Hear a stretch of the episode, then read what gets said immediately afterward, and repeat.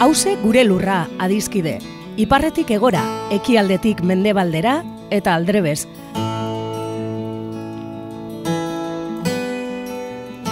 Lurra bakarra dugu edo gaituen lur bakarra da hause. Eta zaintzat dan hori dagokigunez, hemen horretaz egingo dugu berba. Lurraren zaintza kontu ekonomiko, ekologiko eta politikoa da, baita kulturala, kolektiboa eta publikoa.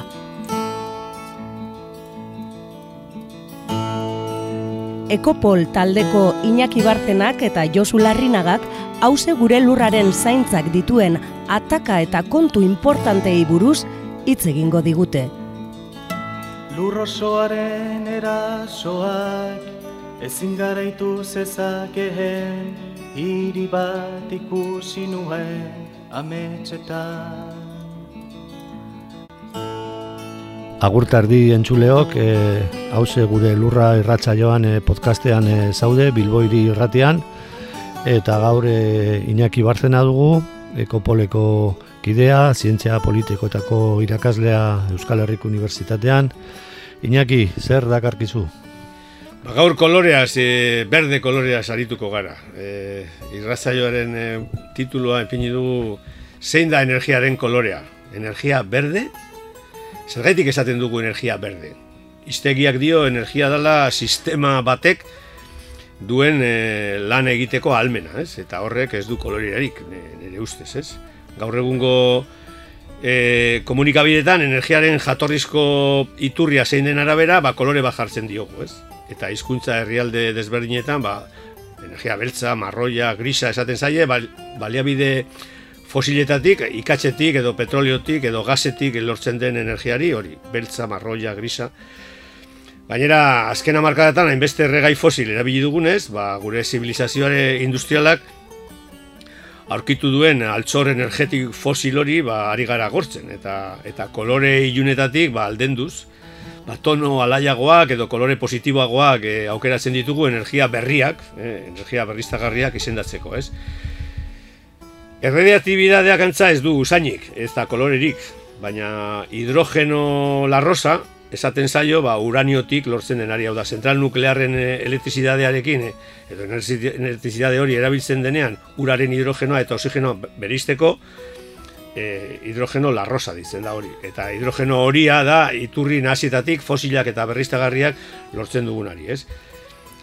Baina beste alde batetik, claro, berdea, litzateke baliabide berriztagarrietatik datorren. Hau da, elektrolisis prozesuan erabiltzen dugun elektrizidadea, e, eguzkitik e, lortzen baldin badugu elektrizidade hori, ba, orduan hidrogeno berdea dugu, ez?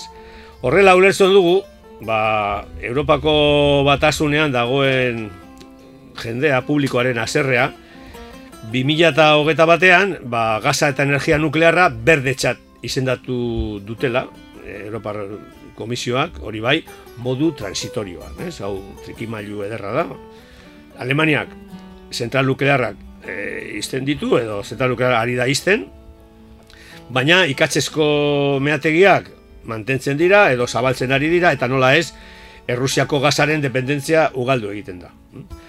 Horrela ulertu daiteke, adibidez, e, Gerard Schroeder, Schroeder Alemaniako kanzillerra izan zana, mila bedazirun larrogeta sortxitik bi mila eta bostera, zazpi urtetan, kan, lehenengo ministro izan zana, karrera politikoa bukatuta gero, Gazpromera e, joan zan. E, Gazprom da, gaur egun munduan, ba, munduko salmenten bi mila eta sortzian euneko amazazpia, sol, gaza, mundu osoko gazaren salmentak egin zituen, ez?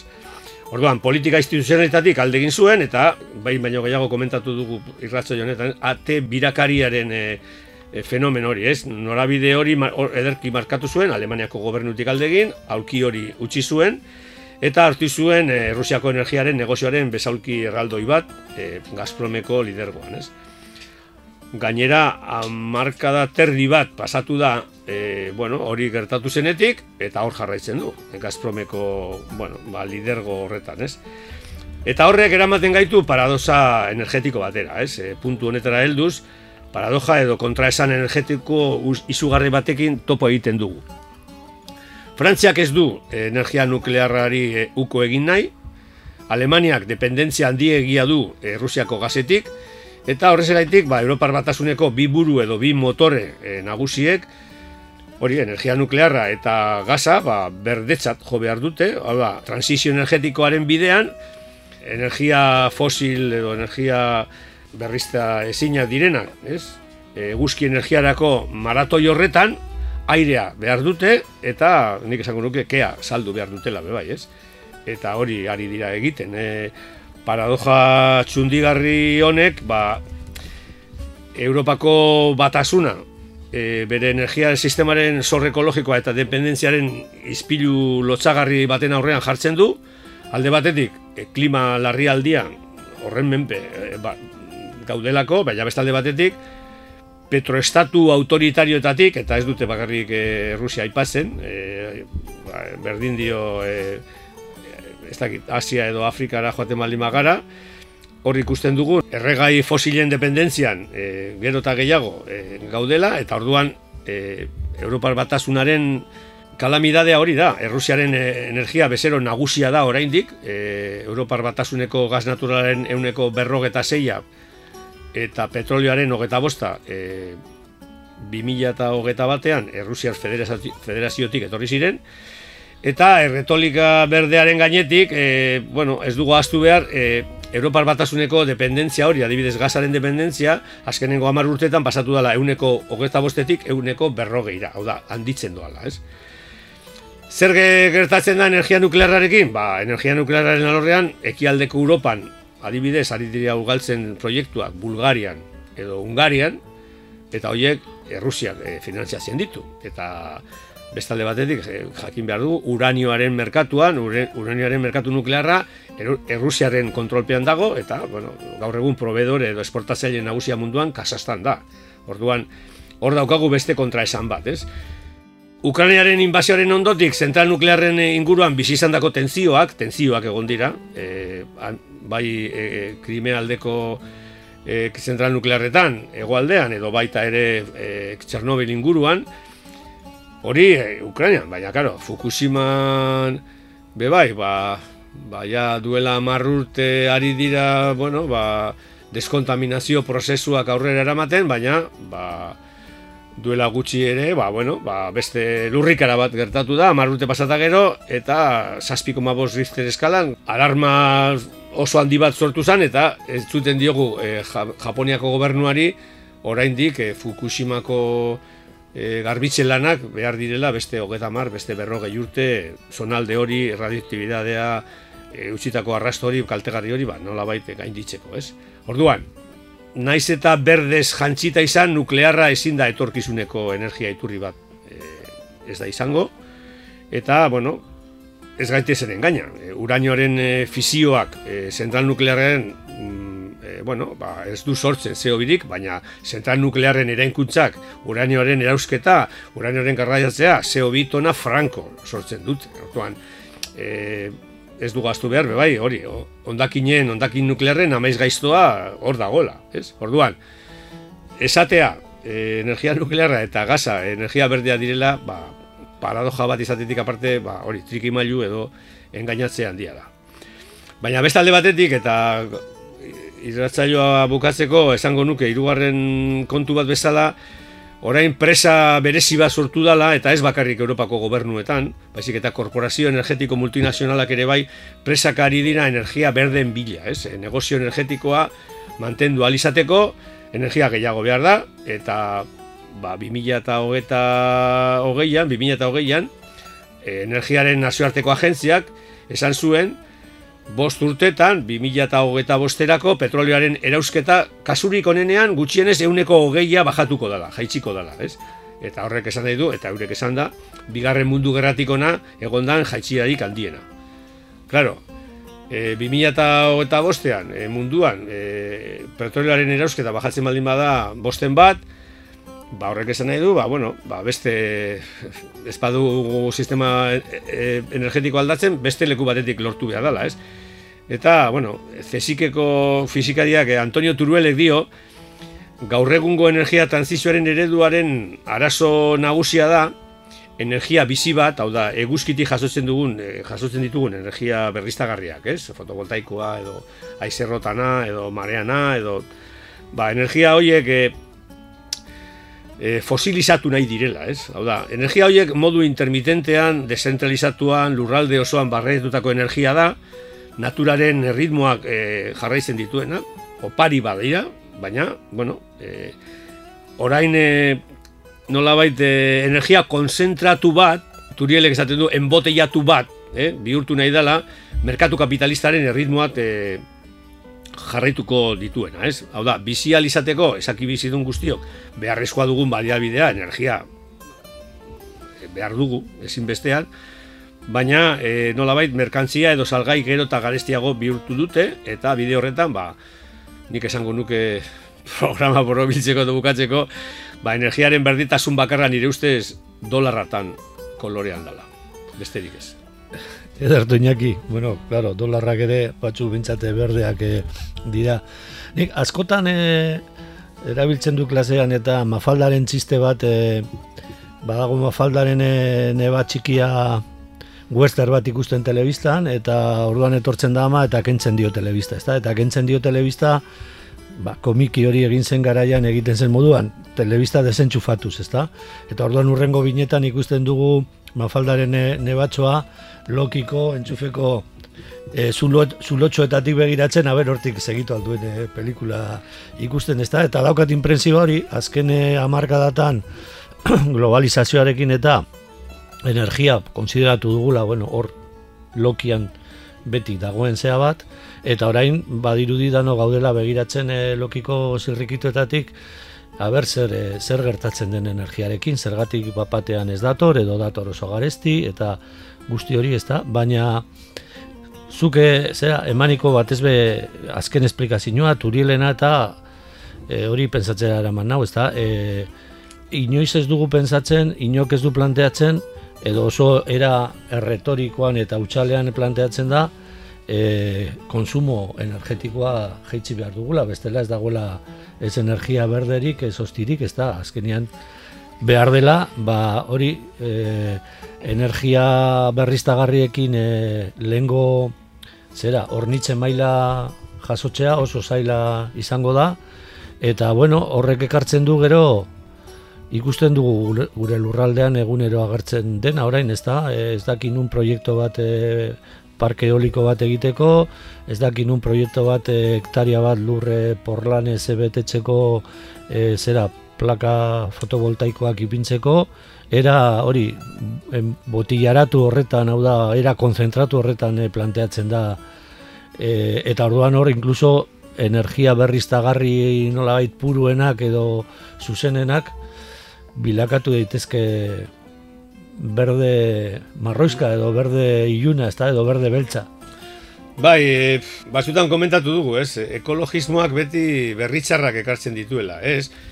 Bueno, berritzar horiek berri honak izan daitezke, konturatzen baldin bagara, ba, bueno, agian e, hobeto bizi daitekela energia konsumo gutxiagorekin, ez? Eta hori da jendea, batzutan komentatzen dugu, ez? E, gaur egun, bueno, e, energiaren presioak eta garraioaren presioak eta elikagaien presioak gorakadoaz, eta ez du emoten, turielek esaten du, ez dira jautziko energiaren presioak, e, bajatuko dira e, eskaria asko bajatzen danean, hau da, gaur egun eskaria oso handia da, e, eta bueno, ba, ari gara ikusten, bai gaza, bai gasoil, bai elektrizitatearen presioak goraka eta goraka joaztela, eta jendeak ikusten du, ba, ezin duela gehiago konsumitu, ez? E, orduan, ari gara ikusten be bai, bueno, ba, jendea ari dela gure artean, Euskal Herrian bertan, ba, mm, autobusetara, garraio publikoetara joaten, ba, kotxe pribatuaren ekonomia ba, garestitzen ari dalako, eta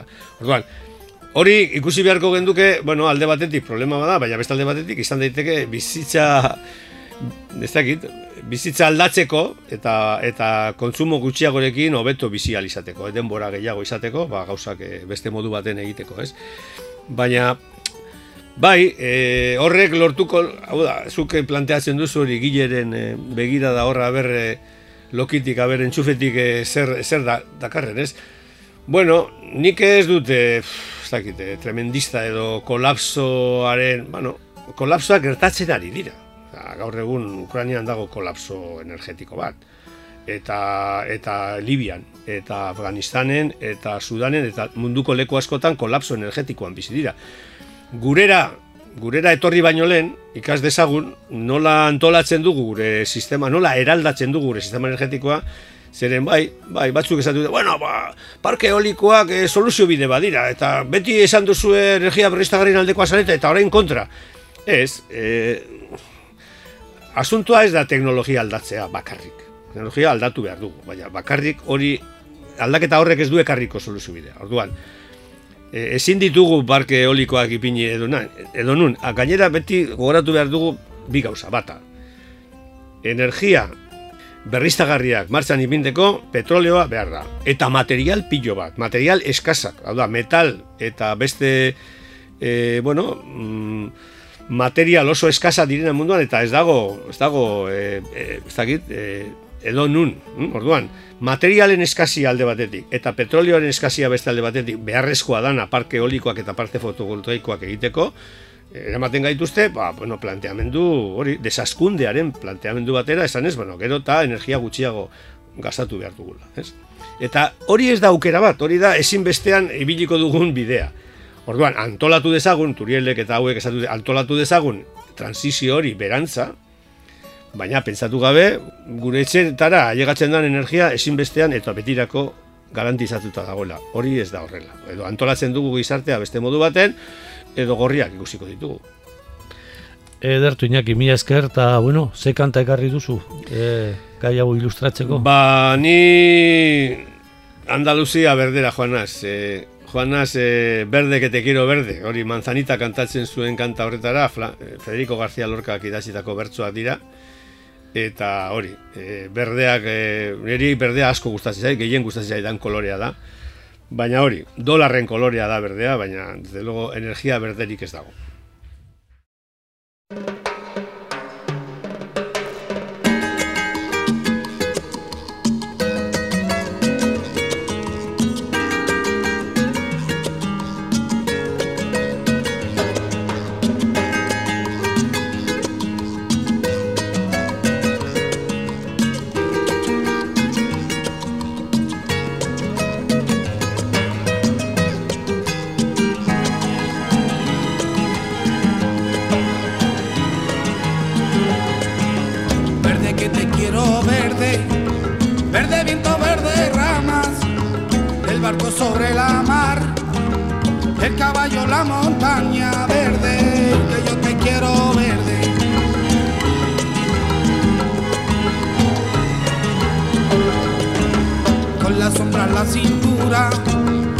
ella sueña en su baranda, verdes ojos, negro pelo, su cuerpo de fría plata verde, que yo te quiero verde, sí, sí, yo te quiero verde, ya, ya, y yo te quiero verde.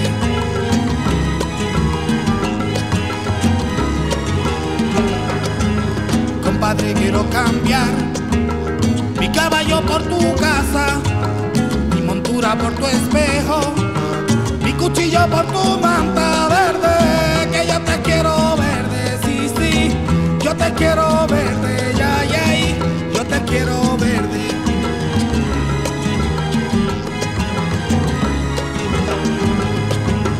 Compadre vengo sangrando desde los puertos de Cabra, y si yo fuera mocito, este trato lo cerraba verde, que yo te quiero verde.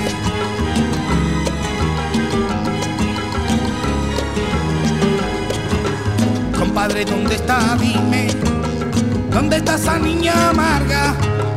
¿Cuántas veces la esperé? ¿Cuántas veces la esperaba verde? Que yo te quiero verde, sí, sí, yo te quiero verde, ay, ay, yo te quiero